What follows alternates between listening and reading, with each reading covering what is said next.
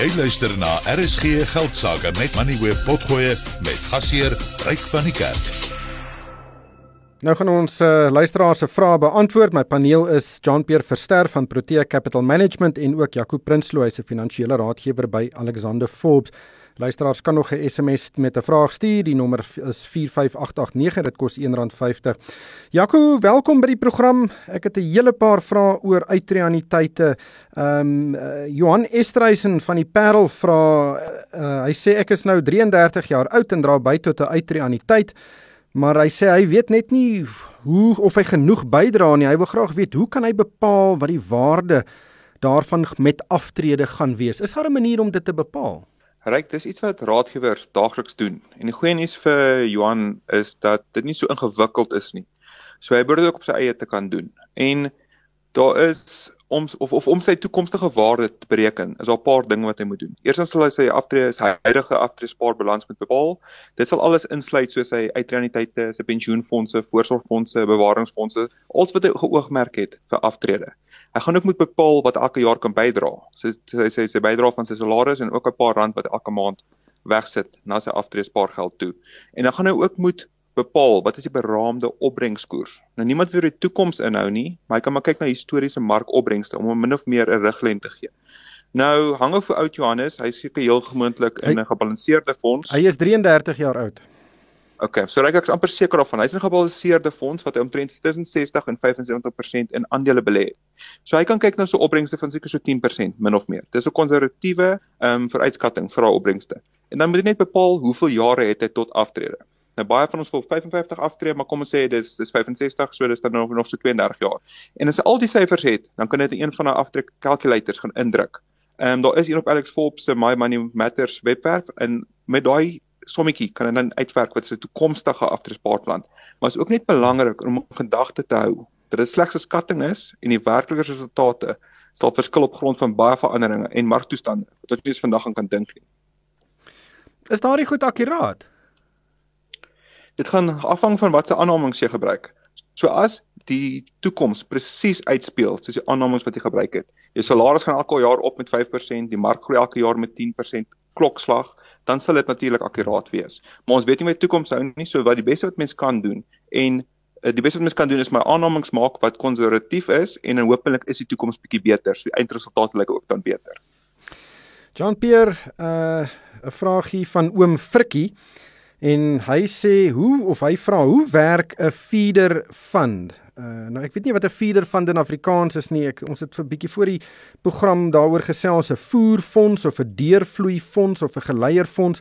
Maar hoe werk hierdie fondse want jy belê in rand, maar dit is 'n totaal en alle buitelandse belegging. Uh, kan jy daar help? Ja, so Suid-Afrika het nog uh, buitelandse valuta beheer maatreëls. Wat beteken dat mens kan nie net uh noodwendig jou geld in die buiteland uh belê nie. Mens kan nie net geld oorplaas sonder om byvoorbeeld 'n uh, 'n uh, belastingklaring te kry van SARS nie. Wat jou bank vir jou sal vra om geld mee oor te plaas aan die buiteland toe nie. So as gevolg daarvan het baie batebestuurders dan fondse opgerig wat gedomisileer is in Suid-Afrika Hulle word geag om plaaslike fondse te wees. Maar binne in die fonds hou hulle net een bate. En dit is 'n belang van 'n buitelandse fonds. So dit is 'n manier om mense rande te gelei of te voer na buitelandse fonds toe deur die Suid-Afrikaanse voerfonds of geleierfonds.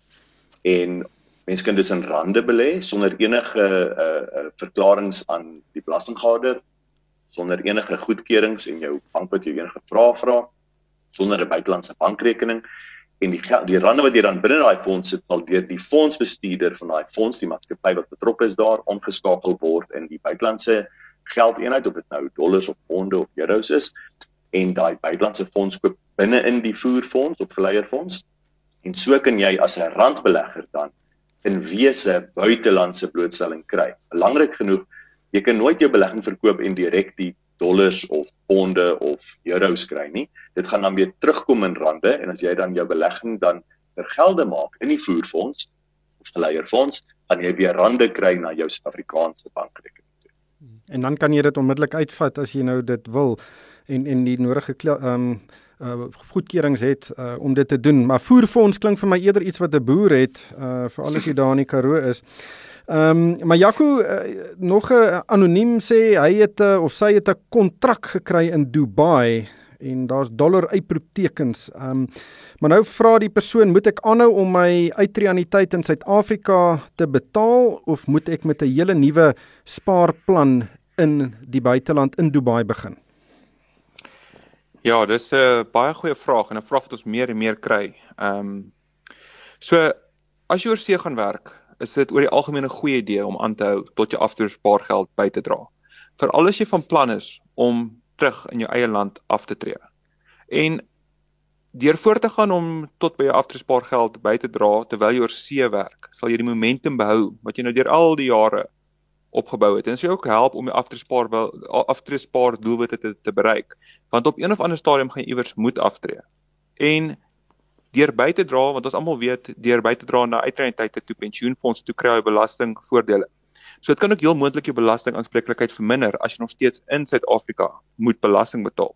Want al werk op 'n kontrak oor see in Suid-Afrika word op jou wêreldwye inkomste belas. So is 'n moontlikheid dat jy nog steeds kan ehm um, ehm um, nog steeds die belasting ehm um, vrystellings kan geniet in Suid-Afrika terwyl jy oor see werk. En laastens saamgestelde rente, as jy aanhou spaar, jou geld gaan net vinniger groei, gaan vinniger wees vir jou om jou aftreespaargeld ehm um, of jou aftreespaar doelwitte te bereik. Maar dit gesê is dit ook belangrik om net enige belasting implikasies en bydrae tot jou aftreespaargelde te oorweeg terwyl jy oor see werk en ook moontlike beperkings tot die aftreerekeninge wat jy kan maak. So sekere uh, limite tot wat jy kan bydra. So dit is eintlik nuttig wees om met 'n finansiële adviseur of 'n belastingkundige te konsulteer voordat jy hierdie besluit te maak. Ja, en dis ook nie die een of die ander nie. Mens kan dalk albei gelyk doen en so diversifiseer, verder diversifiseer. Dan John Pierre, hier is 'n baie interessante ene ook van anoniem. Ek sou eintlik graag wou geweet het wie eh, wie dit geskryf het, maar die persoon sê ek het in 2009 'n duur kunswerk vir 150 000 rand gekoop. Die persoon sê uh, hy of sy het nou die geld nodig, maar hulle kry dit nie verkoop nie. Uh, nie eers vir 80 000 rand nie. En uh, die persoon sê mense moet versigtig wees en nie verkoopsmense glo as dit by beleggings kom nie. Nou ons praat baie op RSG geld sake oor alternatiewe beleggings en kuns is altyd een van die uh van ek noem dit 'n bateklas wat genoem word. Hoe hoe, hoe sal jy reageer op hierdie stelling? Ja, kyk ryk, ek dink um, kuns is 'n baie groot mark. En mense kry alles van skilderkuns na beeldende kuns.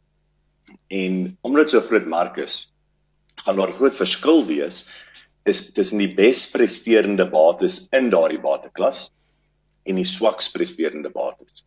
So as 'n mens 'n pierneef gekoop het reg 'n klomp jare terug, dan sou mens nou 10 teen 1 'n wonderlike opbrengs gedoen het. Maar as jy jou buurman se skildery gekoop het, miskien nou minder so. En uh dit is wat mense nou nie weet nie wanneer jy daai kunste koop of dit nou 'n pierneef gaan wees of 'n buurman kunststuk gaan wees oor die volgende 10 of 20 jaar. En dit is dan ook hoekom kuns gesien word as 'n alternatiewe belegging, ook 'n baie illiquiete belegging en 'n belegging wat dus 'n baie groot verskil in opbrengs kan lewer tussen 'n baie goeie opbrengs en 'n baie slegter opbrengs. So persoonlik ryk ek sou net kuns koop vir die visuele waarde waaruit wat ek daaruit kry. As mens hou van die kunststuk, sit dit in jou muur, laat jou goed voel as jy daarna kyk. Maar jou primêre doel behoort nie te wees om 'n kunststuk te koop vir 'n opbrengs nie. Jy sê omdat jy nie gaan weet of daai kind se oor 10 of 20 jaar so gewaardeer gaan word deur ander is of dat jy dit waardeer nie en of die prys dis wesentlik gaan toeneem. Ja, ek dink die punt is ook jy moet weet wat jy koop. Uh jy moet die navorsing doen. Jy stap moenie net by die naaste galery instap en dan die verkoopspersoon glo nie want dit is soos om vir 'n haarkapper te vra of jy haarskeer nodig het. en uh maar ja, doen jou huiswerk, maak seker jy koop nie 'n uh, 'n gat in die sak nie.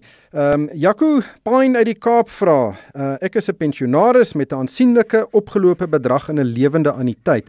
Ek het twee werkende kinders met redelike hoë verdienste. Wat sal die belastingimplikasies vir die kinders wees ten opsigte van die lewende anniteit as ek sou sterf? So Pine, dit sal afhang van wat hulle met die opbrengste van jou lewende anniteit wil doen. So eerstens vorm daai lewensanniteit nie deel van jou boedel nie. Dit gaan direk aan jou begunstigdes betaal word. So in die geval direk aan jou jou seuns. Jou begunstigdes kan dan kies of hulle die geld, die opbrengste wil vat as kontant, wil hulle voortgaan met 'n inkomste soos wat jy ontvang het of wil hulle gedeelte vat in kontant en 'n gedeelte omskakel in inkomste.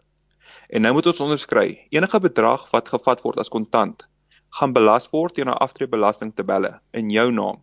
So Paynet gaan gebaseer wees op wat jy gedoen het in die verlede. Dis daai tabelle wat die 500 000 belastingvry is. Dis nou 550. So hulle kan moontlik tot en met 36% belasting betaal op enige gedeelte wat as kontant gevat word. Nou enige gedeelte wat hulle omskakel in 'n inkomste. Dit is belastingvry om daai kapitaal te herbelê. Maar die inkomste wat dan getrek word, wat jou seuns dan verdien van die lewensynheid, gaan belas word op hulle marginale belastingtabelle klink vir my met die met die ehm um, bedrag wat hier genoem word, is daar geen manier om die belasting aanspreeklikheid te verminder of te te elimineer nie. So beste om dit te minimaliseer of so laag as moontlik te hou, maar so min moontlik te vat in kontant. Maar die ander ding is ook dan mens minder fondse om te geniet. So jy sê jy moet betaal, wil jy die fondse geniet en benut of wil jy nie belasting betaal? Ja, ek dink die belasting is 'n uh, taamlike ingewikkelde en maar kritieke element as dit by beleggings kom en en ek dink kundiges daarin spesialiste is uh met met, met hulle verseker raadpleeg indien daar enige belastingbeplanning gedoen moet word. Dit is nie so eenvoudig om dit self te doen nie.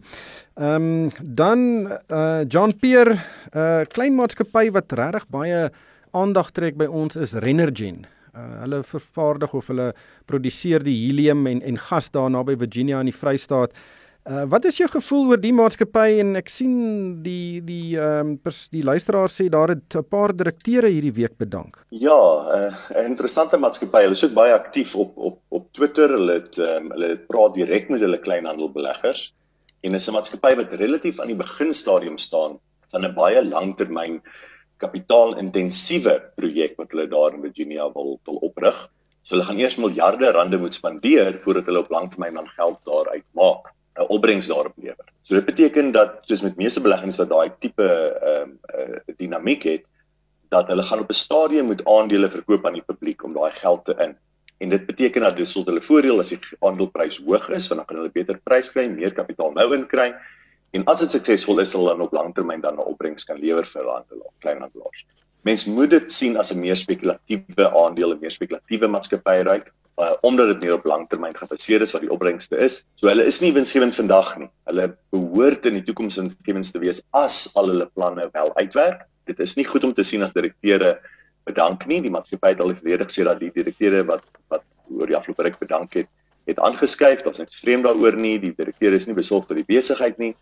Maar ek sê net sê dat hou in gedagte dat René sal uh gedefinieer word as 'n meer spekulatiewe belegging. Ja, die aandeleprys vandag uh, basies onveranderd effens hoër op R19.80, maar die afgelope uh 6 maande is die aandeleprys basies die helfte, hy het gehalveer 45% laer en die afgelope 3 maande is dit 25% af. Uh so ja, dit is 'n spekulatiewe aandeel. Maar ja, mense moet dit ook so benader. Maar die tyd het ons ingehaal en ons moet groet baie dankie aan Jean-Pierre Verster van Protea Capital Management en ook Jaco Prinsloo. Hy is 'n finansiële raadgewer by Alexander Forbes. En daarmee groet die Moneyweb span van my ryk van die kerk, uh, Palesa Matlala en Eddie Mashashe. Baie dankie vir die saamluister. En hierdie program is aan jou gebring deur Absa. Jy kan aanlyn na Absa skuif en 'n Business Evolve rekening oopmaak. Jy het geluister na RSG Geldsaake met Moneyweb Potgoe elke weeksdag om 7 na middag. Vir meer Moneyweb Potgoe, besoek moneyweb.co.za of laai die toepassing af en volg Moneyweb News om dagliks op hoogte te bly.